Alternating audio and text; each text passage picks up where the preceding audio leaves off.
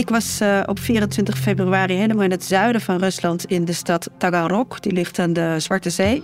Je hoort Eva Kukier, correspondente in Rusland. En nu uh, ja, met toch uh, al die zeer zorgwekkende berichten over de mogelijke Russische invasie. ben ik afgereisd naar het zuiden. Dat was toen nog mogelijk. En op de 24e, nou ja, we hebben allemaal die verschrikkelijke speech van Poetin gezien s'nachts. De oorlog was begonnen. En dat gaf in Taganrog een bevreemdend gevoel. Het wrange eigenlijk was dat de weken daarvoor was er natuurlijk een enorme troppenopbouw hè, van Russische tanks en materieel en uh, militairen die in die hele grensregio zich hadden verzameld. En op het moment dat dat offensief is aangekondigd, dat er dan eigenlijk niks meer te zien is. Al die tanks, al dat materieel, het was allemaal naar Oekraïne gegaan. En dat is, uh, ja, dat is heel creepy eigenlijk, heel beangstigend ook, omdat je weet ja, dat dat materieel die kant op gaat met natuurlijk een enorme verwoestende impact. En plots veranderde de stad van een militaire basis naar een vluchtelingenkamp. Heel veel burgers uit de Donetsk en de Lugansk regio's, de Oekraïnse regio's, inmiddels door Rusland geannexeerd, die naar uh, Rusland vluchten.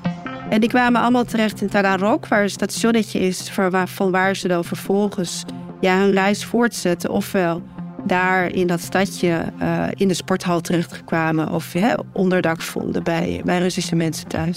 De oorlog in Oekraïne is een jaar bezig. Het is een oorlog die we nooit hadden verwacht, maar tegelijk ook al jaren zagen aankomen.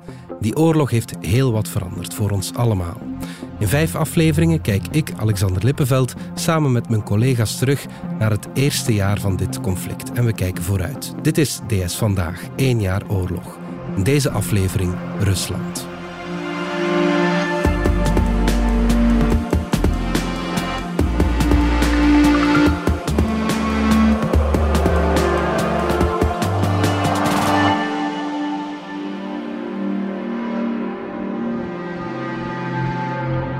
Corrie Hanke en Jorn de Kok. De vorige aflevering van deze reeks ging over uh, Oekraïne.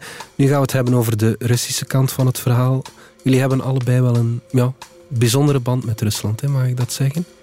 Uh, wel, als uh, journalist voor de Standaard heb ik de carrière van Vladimir Poetin als president van nabij mogen meemaken.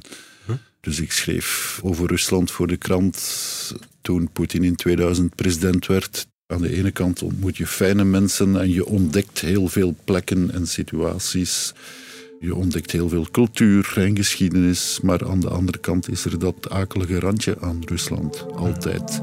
Ja. Jij hebt er ook een tijdje gewoond, hè Corrie? Ja, ik heb er eh, acht maanden gewoond in 2016. De krant heeft mij naar Rusland gestuurd nadat ik in 2014 in Oekraïne op Maidan had gestaan en een aantal reportages had gemaakt in de grensstreek. Mhm. Toen dacht de krant het zou wel heel boeiend zijn om uh, iemand te hebben die een aantal maanden zich onderdompelt uh, in Rusland. Het land beantwoordde eigenlijk niet aan mijn verwachtingen. Mhm. En wat ik daar allemaal geleerd heb, merk ik, kan ik nog altijd nu een beetje gebruiken. Ja, oké. Laat ons om te beginnen even uh, terugspoelen. Niet naar 24 februari, de dag van de inval, maar nog uh, daarvoor. Jorn, kan je misschien even schetsen hoe de situatie in Rusland toen was? Wel, zonder daarover al te rooskleurig te doen, want voor een groot deel van de bevolking was de situatie natuurlijk niet zo prettig.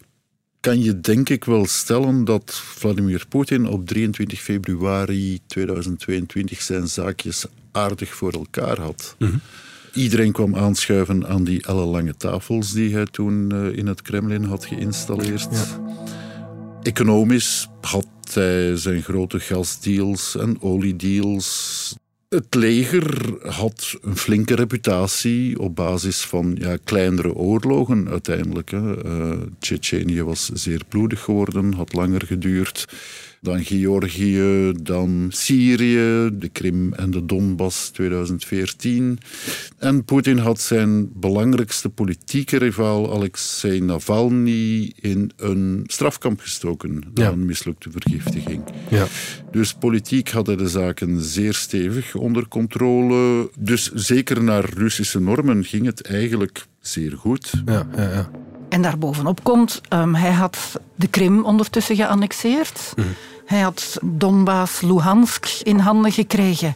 En het Westen reageerde niet. Ja. Dus hij was de koning te rijk. Ja.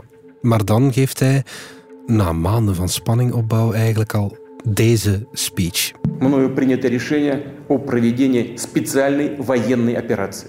И для этого мы будем стремиться к демилитаризации и денацификации Украины.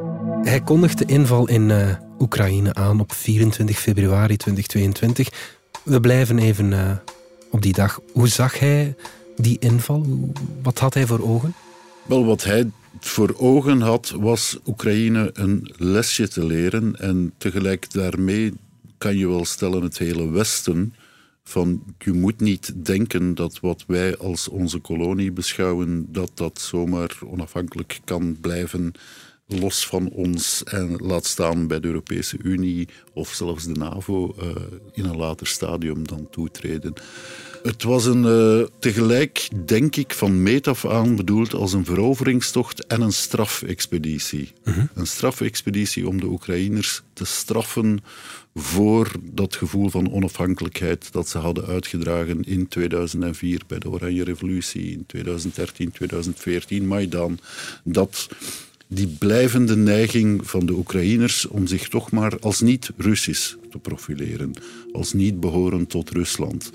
En daarvoor moest het land worden gestraft. En Poetin dacht, het is nog altijd verbijsterend hoe hij dat kon denken, dat hij wel met zijn legermacht heel snel Kiev ging kunnen innemen en dan waren de zaken duidelijk. Ja.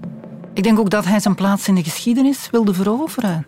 Na de val van de Sovjet-Unie uh, was het land dat ooit een, een, wereldrijk was. Er was miserie gekomen, het was, het was geen wereldmacht niet mm, meer. Mm. En dat stak ook wel bij veel Russen. En dus ook het verlies van Oekraïne. Dus wat Jorren zegt, het terugbrengen van Oekraïne en Rusland terug in zijn grootheid herstellen. Ik denk dat dat uh, zijn plan was om zo in de geschiedenisboeken te komen. Ja. Zijn 70ste verjaardag staat eraan te komen. Uh, maar dus wat doe je dan? Je hebt nog een paar goede jaren. Uh, hij had rare dingen gedaan tijdens de corona-epidemie zijn we nu al bijna vergeten soms, hè, dat hij zich daar mega isoleerde in het Kremlin en nauwelijks iemand rondom zich toeliet. Hij zag steeds minder mensen. Mhm. Dus hij kreeg nog heel weinig informatie binnen en waarschijnlijk werd hij in zijn gedachten constant bevestigd door de enkelingen die nog dicht bij hem kwamen. Ja, ja. Dus sommige mensen denken dat hij daar eigenlijk wel een beetje voeling met de werkelijkheid kwijtgeraakt is. We belden met Mikhail Shishkin.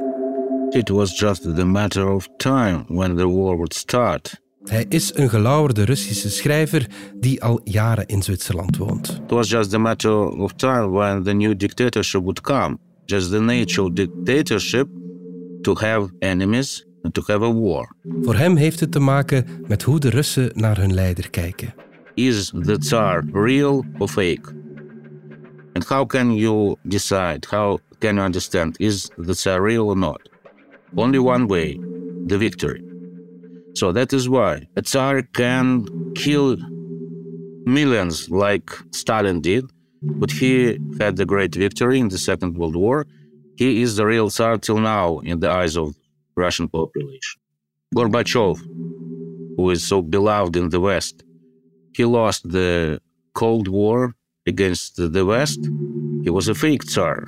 Till now in Russian people yeah? Is de tsaar de leider van het land goed of vals? Poetin doet er alles aan om als een echte tsaar boven zijn volk te staan, zodat ze hem respecteren. De enige manier om dat te doen is om aan te tonen dat hij de overwinning kan binnenhalen. Daarvoor doet Poetin alles, net als zijn voorgangers. His legitimizing was of course the annexation of Crimea. You remember maybe this wave of happiness in Russia. Everybody was crying, Krim nash, Crimea is ours. So Putin proved to be the real Tsar. Now, with this impossibility to get the victory, he is showing that he's not the real Tsar. Dacht hij dat het Westen hem gewoon ging laten doen? Uh, ik denk dat hij ten eerste dacht dat hij het Westen op snelheid ging kunnen pakken. Dus als hij binnen de drie of vijf dagen Kiev kon veroveren, wat zou het Westen dan tegen hem kunnen doen? Uh, en bovendien zie je, je ziet dat ook op de Russische televisie bijvoorbeeld, de relatie met het Westen is in hun ogen vaak een beetje vreemd. Ze beschouwen ons aan de ene kant als zwakkelingen die de hele dag in dag uit zitten wij op gay prides, allerlei baldadige dingen te doen. En tegelijkertijd hebben we dan in onze vrije tijd wel tijd om grootse complotten via de NAVO tegen Rusland te smeden. Hoe dat die twee samengaan is niet altijd even duidelijk. Dus ja, ik denk dat hij dacht dat hij het Westen en Oekraïne voor voldongen feiten ging kunnen stellen binnen de kortste keren. Ja. En dat hij zich daarom... Zijn hand heeft overspeeld. Ja. ja, ja, ja. En stel nu dat hij ja, zich gewoon op, op de Donbass had geconcentreerd, wat we ook lange tijd gedacht hebben. Wat dan? Dan kan je niet uitsluiten dat hij daarmee was weggekomen. Hmm. Dat wij zouden gedacht hebben van, oh, het, uiteindelijk valt het nog wel mee. Hmm. Het is juist natuurlijk door die grote aanval op Kiev, de hoofdstad, uit te voeren, dat hij het Westen eigenlijk geen andere keuze liet. Hmm. Oh, Joran, er zijn wel mensen die vinden dat Europa zich daar niet moest moeien. Wel, in dat geval zit je eigenlijk uh, met een erkenning van uh, zogenaamde invloedssferen, die zou willen zeggen dat de groeiende samenwerking tussen de Europese Unie en Oekraïne dat die van nul en geenerlei waarde was en dat we anno 2022 op dat moment een enorme schending van het internationaal recht namelijk de invasie van een soevereine staat zonder aanwijsbare aanleiding, dat we dat zouden tolereren op Europees grondgebied. En ik denk dat anno 2022 we hadden gehoopt dat we verder stonden dan dat met het internationaal recht in Europa. Voor Michael Shishkin ging het al mis bij de inval in de Krim in 2014 en wat daaraan vooraf ging, de Olympische Winterspelen in Sochi in Rusland. I tried to organize the boycott of Olympic Games. I think for everybody who re realized what is Russia was clear the direction of the development, yeah? And so everybody wanted to show the solidarity with the dictator. Yeah, all nations came to Sochi, and as a result, at the end of the Olympic Games, this war started. The annexation of Crimea took place. En zelfs dat was niet genoeg, want vier jaar later kwam de hele wereld voetballen in Rusland. 2018, Football Championship in Russia. Four years of the war after 2014. In these four years, thousands of deaths, everything is clear with, with Putin that his aggressor is the war against the democratic world. I tried to organize uh, in the boycott in Swiss. I'm on the television. I'm in Swiss media. But who listens to writers? So all nations, all nations came to Russia to play football in front of Putin. And for him, it was clear sign. Hey guys, you accept my aggression, you accept my annexation of Crimea. You accept my war. And the door to the 24th of February last year was open. Shishkin ziet duidelijke gelijkenissen met de Tweede Wereldoorlog. Now everybody asks yeah, the, the question why were the politicians so blind? But the politicians depend not on the reality, they depend on their voters. So they did everything to please their voters. Nothing new in history. Yeah, the same situation we had before the uh, World War II. The French, the Italian politicians, which were democratically yeah, elected, they just promised their uh, voters what the voters wa- wanted and to, what do normal people want. They want peace. They want uh, good holidays. They want their jobs. And the politicians tried to please their voters and made the appeasement politics with Hitler. And what was the end, we know. And the same thing re- repeated now, yeah? It was appeasement policy against Putin and it ended with the war. Waarom maakten we in 2014 al geen vuist en we haalden de banden zelfs nog nauwer aan, hè? Ja, er zijn natuurlijk altijd wel sancties uitgevaardigd tegen Rusland. Ook als er weer eens eh, een dissident vergiftigd of gedood werd, werden de sancties al maar uh, verhoogd. Mhm. Maar toch kon Rusland gewoon blijven functioneren. Dat is de ene kant. En aan de andere kant was er zeker in Duitsland, maar niet alleen in Duitsland, toch wel ook een politieke stroming die dacht we moeten vrienden blijven met Rusland. Dat is een belangrijk buurland. En als we de economische banden met dat land aantrekken en we worden um, economisch meer verweven met elkaar, dan gaan we dat land uiteindelijk wel kunnen veranderen. Mm. Maar zeker in een land als Duitsland had je ook heel veel mensen die het wel fijn vonden om zich dicht tegen Rusland aan te schurken. Wegens het verleden van... Wegens het verleden, wegens uh, goede herinneringen, wegens uh, ja, zich, zich daar thuis voelen in, hun, in die cultuur. Mm uh, en dat merk je bijvoorbeeld bij Nord Stream 2. Mhm. Uitgerekend in de regio daar waar die aan land zou komen. Daar waren enorm veel voorstanders van. Daar, daar zijn um, juridische constructies opgezet waar Russen samen met Duitsers gingen lobbyen om Nord Stream 2 er, erdoor te krijgen. Op. Men heeft heel lang niet gezien wat er gaande was in Rusland. Men was blind voor de signalen. Kon niemand hem waarschuwen dat hij ja, de verkeerde kant op ging? Ik denk dat die vraag een beetje aantoont van hoe mank dat Russische systeem onder Poetin eigenlijk is gaan beginnen te lopen. Of misschien altijd is blijven lopen. Wij zien dat Kremlin als, dat is Poetin en die beslist alles. Maar er zijn verschillende machtsblokken binnen Rusland die elkaar beconcurreren. Die allemaal een streepje voor willen hebben bij de man aan de top van de piramide. Je hebt de geheime diensten, je hebt de verschillende economische belangen, oligarchen van allerlei slag. Je hebt het leger, het hele veiligheidsapparaat. En dus het is niet zo, zo gaat dat met mensen in systemen, dat die allemaal voortdurend aan hetzelfde zeel trekken. Nee, die willen hoger klimmen in die interne hiërarchie. En Poetin speelt daarmee. Hij speelt die verschillende machtsblokken eigenlijk voortdurend tegen elkaar uit. Er is er één iemand die geprobeerd heeft, hè, Narishkin, het hoofd van de buitenlandse inlichtingendienst. Poetin heeft die man een publieke bolwassing gegeven tijdens een van die vreemde sessies in het Kremlin, omdat hij onvoldoende achter Poetins expliciete doelen in Oekraïne stond. Hmm. Dus als je je hoofd boven het maaiveld uitsteekt in Rusland, dan uh, moet je zien dat je hoofd stevig op je schouders is verankerd, want het zou er zomaar eens kunnen afvliegen. Dus hmm. het is geen systeem dat uitnodigt tot constructieve kritiek. Ja, dus iedereen praat gewoon naar de mond van Poetin. Dat is het. Wel, dat is wel in extreme mate gebleken, juist in Oekraïne natuurlijk. Mhm.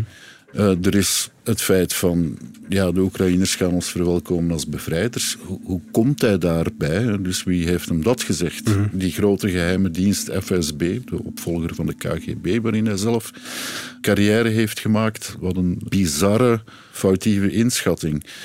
Uh, maar het, het uh, gaat ook over andere dingen. Het leger dat almachtig was en even door Oekraïne ging rollen. Ja, dan blijkt dat die corrumpering van de maatschappij die onder Poetin heeft plaatsgevonden, die zit zo diep dat ook dat leger een van de laatste voorbeelden was toen ze op zoek moesten naar winterjassen voor het Russische leger in Oekraïne. En er bleek er anderhalf miljoen vermist. Hoe kan je nu anderhalf miljoen winterjassen in de verkeerde, in de verkeerde kast leggen?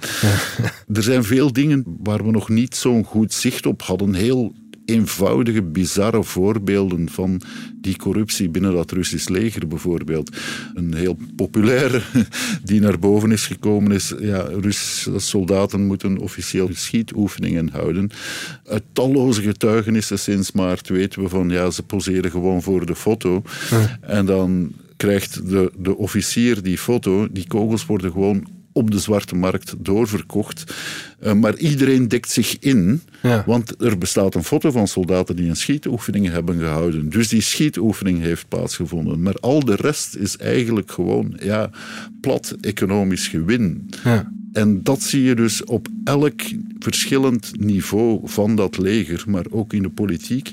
Iedereen dekt zich in en probeert intussen ja, in de geldton te graaien. Daar komt het op neer. Mhm. En het gevolg is dus dat je met een systeem zit dat zichzelf niet goed informeert, want mensen hebben er geen belang bij om aan de grote leider informatie door te spelen die hij niet fijn zou vinden. En dat dat systeem zich intussen van binnenuit blijft verrotten. Ja. En de combinatie van die twee zien we in extreme mate in dat voorbije jaar in Oekraïne. Het leger doet zijn werk niet door wat je net vertelt, Jorn.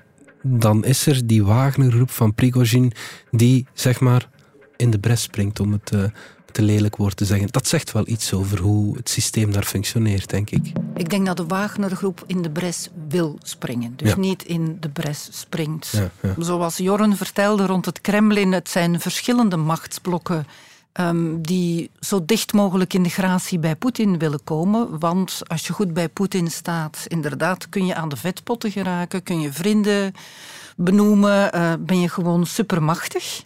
En dus het leger functioneerde onvoldoende. En Wagner, Prigozhin, de baas van Wagner, een oude vriend van Poetin, Mhm.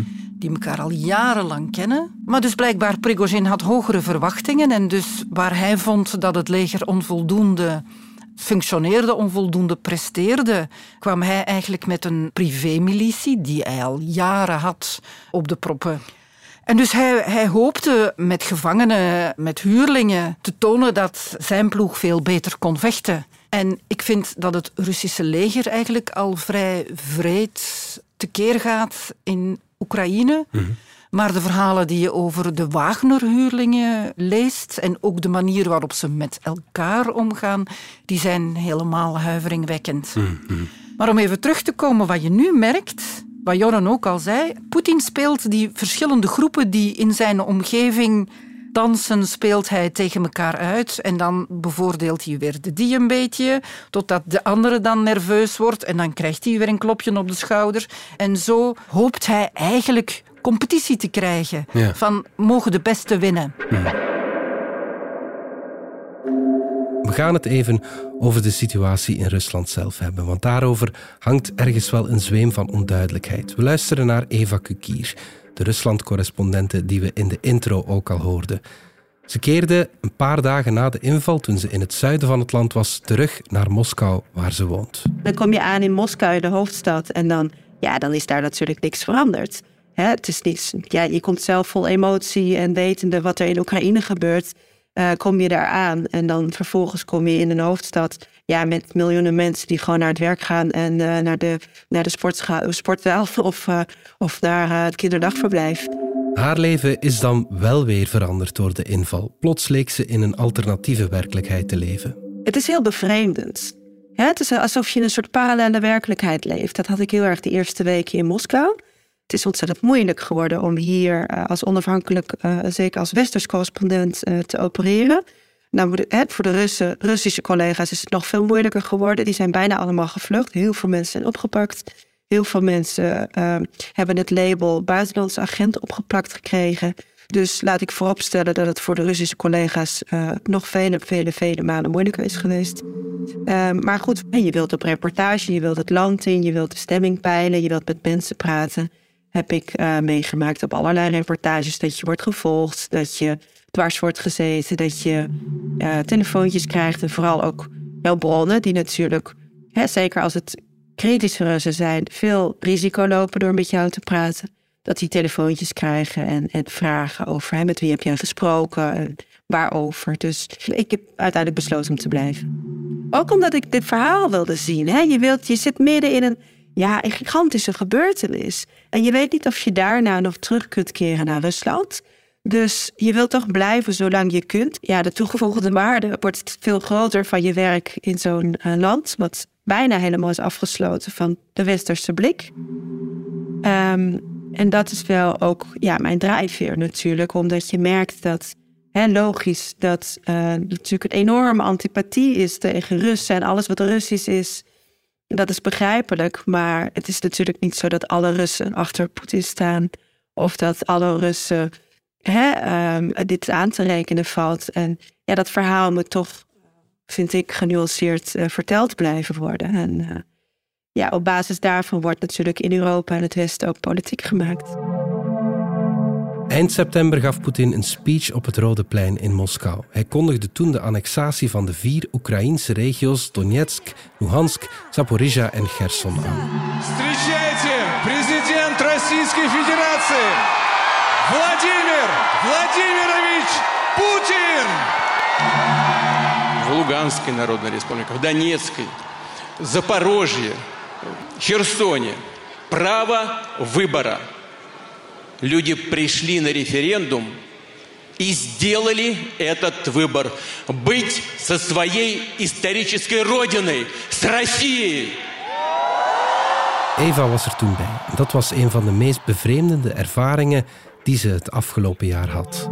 Wat mij ergens bijgebleven en ook um, een moment was waarop je weer zo bewust bent van het feit dat je in zo'n parallele werkelijkheid leeft, waarin mensen gewoon ja, met totaal andere dingen bezig lijken, was het, uh, het moment dat Poetin op het Rode Plein een speech ging geven. Dat was, uh, dat was eind september, ongeveer twee weken na de mobilisatie. Dus de samenleving was heel erg opgeschud en, uh, en in de stress. Heel veel mensen werden naar het front gestuurd. En toen kwam Poetin met een ja, soort overwinningsspeech op het Rode Plein. En ja, dat werd gebracht als deze, deze gebieden hebben altijd op Rusland gewacht en zijn nu eindelijk weer terug in de moederschap. dat hele plein was afgezet, maar toch zag je dat al vrij vroeg kwamen daar busladingen Russen aan. Echt letterlijk met een bus. Sommigen ook hele groepen met hesjes of bepaalde kleurpetjes op met vlaggen die werden gratis uitgedeeld. En ik ben daartussen gaan staan. Ik ben met die mensen gaan praten. Uh, van, goh, wat doet u hier? En ik kwam daarachter dat heel veel mensen... Ja, die kwamen uit de provincie, zoals dat hier vaak gebeurt. En die waren s ochtends ergens in een bus gezet. We gaan op uitstapje naar Moskou. Hartstikke leuk, uh, een paar uur rijden. Velen hadden niet precies in de gaten dat daar die annexatie werd gevierd. En ook, ik stond in die rij, ik moest heel lang wachten. Wel en dat was op het moment dat Poetin in het Kremlin, in die prachtige zaal van het Kremlin, uh, zijn hele ja, regeringsapparaat toesprak. En dat mensen daar in de rij dat helemaal niet volgden en dat ook helemaal niet in de gaten hadden. Er stonden wel grote televisieschermen op het Rode Plein zelf, maar daar waren ze nog niet. Dus um, ja, Mensen hadden geen idee. En ondertussen liepen ze met Russische vlaggen te zwaaien en liedjes te zingen, helemaal uitgelaten. En dat werd natuurlijk live uitgezonden, waardoor het idee ontstond, ik ook in het Westen, dat daar een enorme groep Russen op de benen was. Om, een hele grote duizenden Russen op de been waren om, om uh, die annexatie te steunen. En zo werkt propaganda. Zoals je niet zelf als correspondent daar ter, plaatse, ter plekke aanwezig bent. Tussen die mensen gaat staan en met die mensen gaat praten. Dan weet je dat niet. En dan ontstaat dus ook hè, het idee dat, dat, ja, dat zo'n heel land als één man achter die oorlog staat. En, en dat is niet waar. En het is echt heel erg surreëel om dat mee te maken. Jorn, Corrie, ik denk dat dit wel goed duidt hoe Poetin zijn bevolking een plaatje voorschotelt dat helemaal niet strookt met de realiteit. Hè? Ja, ik vind Rusland eigenlijk een beetje een fake samenleving. Zo, je hebt aan de ene kant het propagandaverhaal en het officiële verhaal dat iedereen kent en weet dat hij moet vertellen. En aan de andere kant is daar een werkelijkheid, een realiteit die daar helemaal niet mee strookt. Bijvoorbeeld het leger, Joren heeft het al aangehaald, de corruptie. Maar Poetin is wel altijd verteld door de minister van Defensie dat het fantastisch ging met het leger. Mm. Dus de officiële verhalen over de kwaliteit van het leger strookten helemaal niet met de werkelijkheid. En dat vind ik eigenlijk een constante in de Russische samenleving. Ja, ze spreken daar zelf over de cultuur van rapportering. Hè. Het mhm. doet er niet zozeer wat je rapporteert als je jezelf maar indekt en rapporteert naar boven dat alles goed gaat. Je ziet dat bijvoorbeeld ook in wat de Russen op hun televisie krijgen voorgeschoteld. Op die eindeloze talkshows is het altijd: Rusland is oppermachtig, pas maar op, we zijn nog niet eens goed begonnen. Het Westen is, eh, als we niet bezig zijn met onze eindeloze gay prides, dan zijn wij oorlog aan het voeren rechtstreeks tegen Rusland. Want anders krijgen ze niet uitgelegd dat in hun ogen kleine Oekraïne dat dat stand houdt. Dus daar moet een veel grotere samenzwering tegen moedertje Rusland achter zitten. En je ziet ze voortdurend op de verschillende knoppen drukken. Daar hoeft geen logica in te zitten, maar eigenlijk het enige wat telt is de Russen moeten blijven geloven dat Poetin alles onder controle heeft, dat het wel goed zal komen en dat Rusland groot en machtig is. Al het andere is bijkomstig. Er is dat bekende citaat van schrijver Solzhenitsyn, als ik me niet vergis, eh, die zei van ja, kijk, zij liegen, wij weten dat zij liegen, zij weten dat, wij weten dat zij liegen, toch blijven ze liegen. En ondanks het feit dat zij weten dat wij weten dat zij weten dat wij weten dat ze liegen, er wordt gelogen. En, en daar komt het uiteindelijk op neer van wat er ook gebeurt. Poetin is de machtige leider van het machtige Rusland en hij heeft de zaken onder controle. Die oorlog mag ook nog altijd niet al te hard merkbaar zijn in de Russische straten. Er is, Moskou en Sint-Petersburg liggen niet onder bombardement. Er is niemand die dreigt om een stuk van Rusland te veroveren en te annexeren, zoals Rusland wel doet in Oekraïne. Russen kunnen vertrekken, kunnen naar het buitenland vluchten, anders worden ze gemobiliseerd. Die grenzen die blijven redelijk open. Daarvan denken ze dan van ja, beter dat die weg zijn dan dat ze hier bij ons op straat komen. Er is nog altijd zeer weinig publiek protest. Ja. Protest bestaat er eigenlijk uit dat je vertrekt uit Rusland. Ja. Eh, maar dan zijn ze dus ook wel van jou af. Eh, dus mensen gaan aan het werk, eh, gaan naar het werk. Alles is erop gericht van wat er daar gebeurt in Oekraïne. Maak je toch niet al te hard ongerust. Het is geen existentiële bedreiging voor Rusland. Liggen de mensen er die dan nog niet weggevlucht zijn, liggen die er eigenlijk van wakker? Steunen ze de oorlog of maakt het hen eigenlijk niet veel uit? Er is een groot talent tot ontkenning van de werkelijkheid. Daar zitten we weer bij, zij liegen en we weten dat ze liegen enzovoort. Dus zolang dat je kan blijven ontkennen dat Rusland fundamenteel al is veranderd door die invasie in Oekraïne op 24 februari. We weten niet hè, waar, waar Rusland naartoe gaat en uh, hoe je het ook draait of keert, de impact van de invasie in Oekraïne en hoe ze tot nu toe verloopt, gaat een grote impact hebben op Rusland op de langere termijn. Hoe precies, ja, dat weten we niet.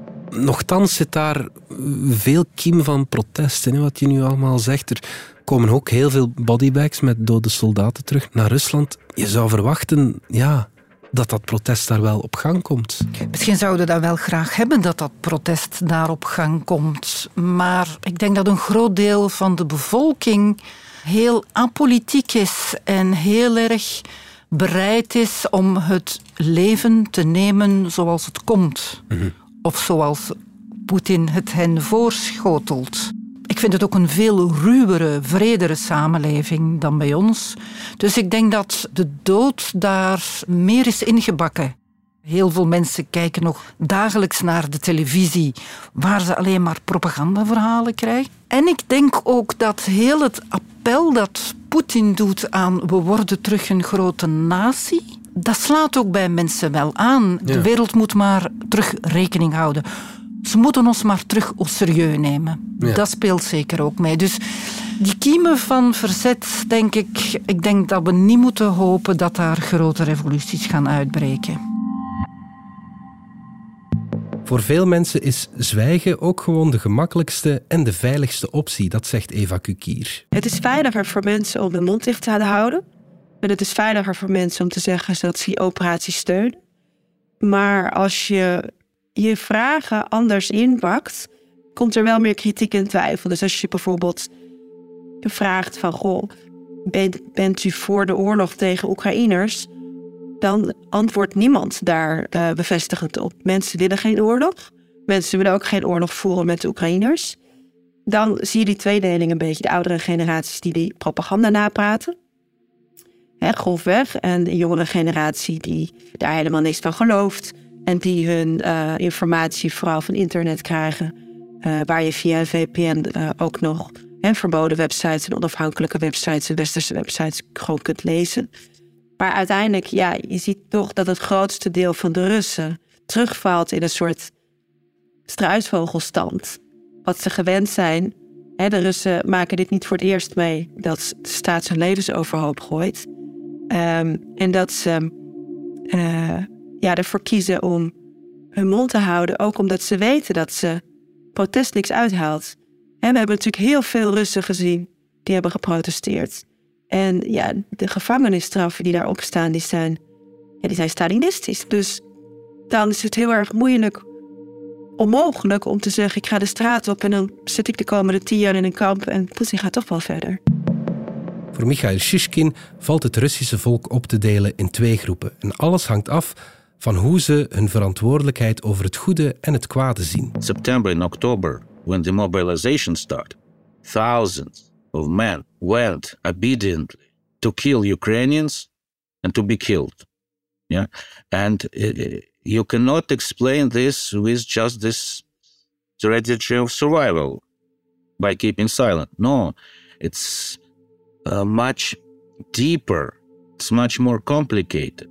In Russia, there are just two different nations, I would say. Small amount of Russians like me, we we belong to modern humanity.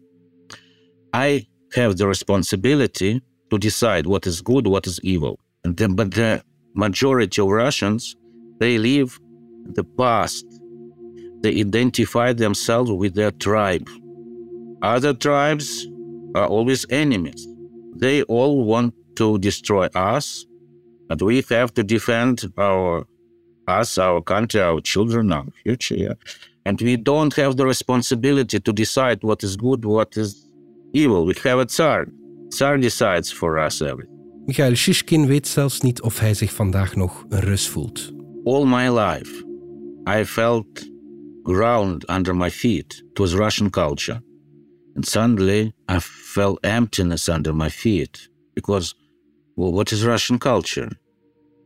How is it possible that the same nation has such culture, such writers, such music, and such criminal regime, and, and such people who are raping in Ukraine, who are killing children, raping, who are sending these rockets every day? How is it possible? Yeah. And am I Russian? It means I have the responsibility for all these horrible things which are made by my people too.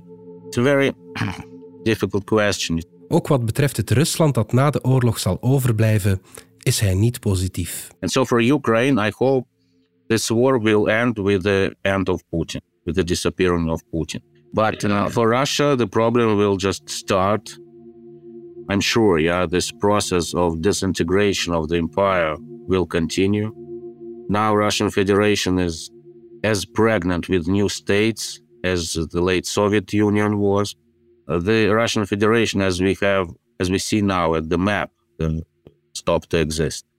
Will these new states be democratic? I doubt. Russians have to fall on their knees in Bucha in Kiev, in Kharkov, in all countries where Russian tanks had been before, and ask for forgiveness. But at first, they have to recognize, to understand that they were fascists who will make the Nuremberg trials against the war criminal now in Moscow. War criminals themselves? En dan komen we terug bij wat Shishkin in het begin van deze podcast zei: de tsarentheorie. De nieuwe leider zal de fouten die gemaakt zijn afschuiven op Poetin. En dan begint alles weer opnieuw. A new Putin would say, "No, yes, now we, everything we made it was a mistake, but it was a mistake by the former Putin." and everything will, will go on because the only possibility to legitimize the power in Russia is the victory. So the new Putin will have to get another victory. Jorn en Corrie, terug naar jullie. Het is een moeilijke vraag, maar hoe kan deze oorlog eindigen? Ja, dat is de vraag van 1 miljoen natuurlijk. Het hangt er een beetje vanaf aan wie dat je het vraagt. Als je dat aan Oekraïners vraagt, dan zeggen ze wel... als Poetin stopt met schieten, dan uh, is de oorlog gedaan. Bij voorkeur moet hij het Russische leger ook nog terugtrekken uit uh, die gebieden waar ze sinds 2014 uh, eh, zich hebben gevestigd. Op dit moment is de officiële lijn van het Kremlin nog altijd dat Oekraïne in tegendeel de rest van die provincies, van die vier provincies, eh, aan Rusland moet overhandigen. Dus eigenlijk dat Oekraïne zich verder moet terugtrekken voor er onderhandelingen kunnen komen. Dus eigenlijk is de samenvatting een beetje van we zitten blijkbaar nog niet op het moment waarop een van de partijen laat staan allebei een fundamentele reden heeft om gemeende onderhandelingen, al was het maar over een wapenstilstand, om die te beginnen. Dus ik denk dat het niet echt loont om in deze optimistisch te zijn. Ja, ik geloof nooit dat de Oekraïners gaan toegeven dat ze een stuk van hun gebied gaan moeten afgeven. De grapjes zijn nu al dat ze de volgende zomer eh, op de Krim zullen doorbrengen grapjes, want ik denk ook niet dat dat uh, zo snel aan de orde zal zijn. Maar mijn gevoel is wel dat het beetje goodwill dat de Russen nog hadden in Oekraïne voor deze invasie, ook bij dat deel van de bevolking dat we gemakshalve pro-Russisch zullen noemen, mm -hmm. dat ze die goodwill nu voorgoed uh, verspeeld hebben. Ze hebben daar zo'n zware misdaden gedaan, ze zijn daar zo vreed met de bevolking omgegaan, dat ik denk dat de wonden die nu geslagen zijn, dat gaat generaties duren vooraleer die geheeld gaan worden. Mhm. Dus de Oekraïners gaan nooit uit vrije wil naar onderhandelingen stappen. Vraag is wat er aan de Russische kant gaat gebeuren. Ja. Hoe lang kan de Russische samenleving deze oorlogsindustrie volhouden? Hoe lang kan die samenleving inderdaad bodybags naar huis blijven krijgen? Dan heb ik het niet over een opstand bij de bevolking. Mhm. Ik vraag me veel meer af of in de entourage van Poetin er op zeker moment niet iemand gaat opstaan die gaat zeggen: Ik kan het allemaal veel beter doen. Ja. En ik vrees dat het dan wel eens iemand zou kunnen zijn die nog driester te werk gaat gaan. Omdat net langs de andere kant ik daar geen figuren zie die op dit moment mhm van enig gewicht zijn om die samenleving over te nemen, om het maar zo te zeggen. Wanneer gaat die entourage beginnen de vraag stellen van wat zijn we daar eigenlijk nog aan het doen in Oekraïne en hoeveel verlies levert dit ons op voor iets dat ons geen gewin oplevert? Wat is de zin nog van die invasie in Oekraïne? En dat is iets waar, denk ik, Vladimir Poetin op dit moment geen goed antwoord meer op heeft. Hè? Mhm. Het gaat dan over het prestige van Rusland enzovoort. Maar er heeft niemand op 24 februari gestemd dat het in het belang was van het prestige van Rusland om Oekraïne even massaal binnen te vallen. Dat is een beslissing van Poetin geweest. En een heel beperkt aantal mensen rondom hem. Dus wanneer neemt het besef toe dat dat eigenlijk nergens toe heeft geleid? Dat is een uitstekende en niet te beantwoorden vraag door ons, vrees ik. Je merkt ook in de internationale gemeenschap, bij politici, dat zij ook niet weten hoe het nu verder moet. Gaan we in de toekomst nog moeten rekening houden in de internationale wereldorde met een belangrijke macht als Rusland of niet meer? Ja. En ik denk als je dan gaat kijken hoe sommige landen nu reageren ten opzichte van de oorlog, speelt die vraag mee in het achterhoofd van wat na de oorlog? Ja. Is Rusland dan nog belangrijk? Of heeft er een implosie plaatsgevonden met ongelooflijk veel chaos? Hmm. Uh, deelstaten die zich afscheuren, weet ik het. Eén ding is zeker, het zal nooit meer zijn zoals het vroeger was. Hmm. Dit is een fundamentele breuk. Alles gaat anders zijn in de toekomst. Goed, Joran de Kok, Corrie Hanke, dank jullie wel. Graag. Graag gedaan.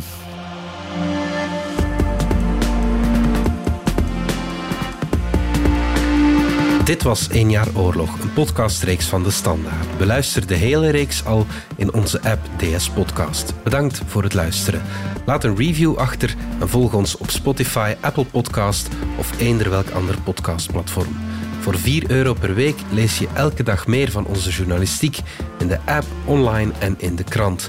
Met scherpe analyse en duiding bij de actualiteit, maar ook nog meer verhalen achter de feiten en nieuwe inzichten. Alle info vind je via standaard.be-lees. De credits van de podcast die je net hoorde vind je op standaard.be-podcast. Reageren kan via podcast.standaard.be.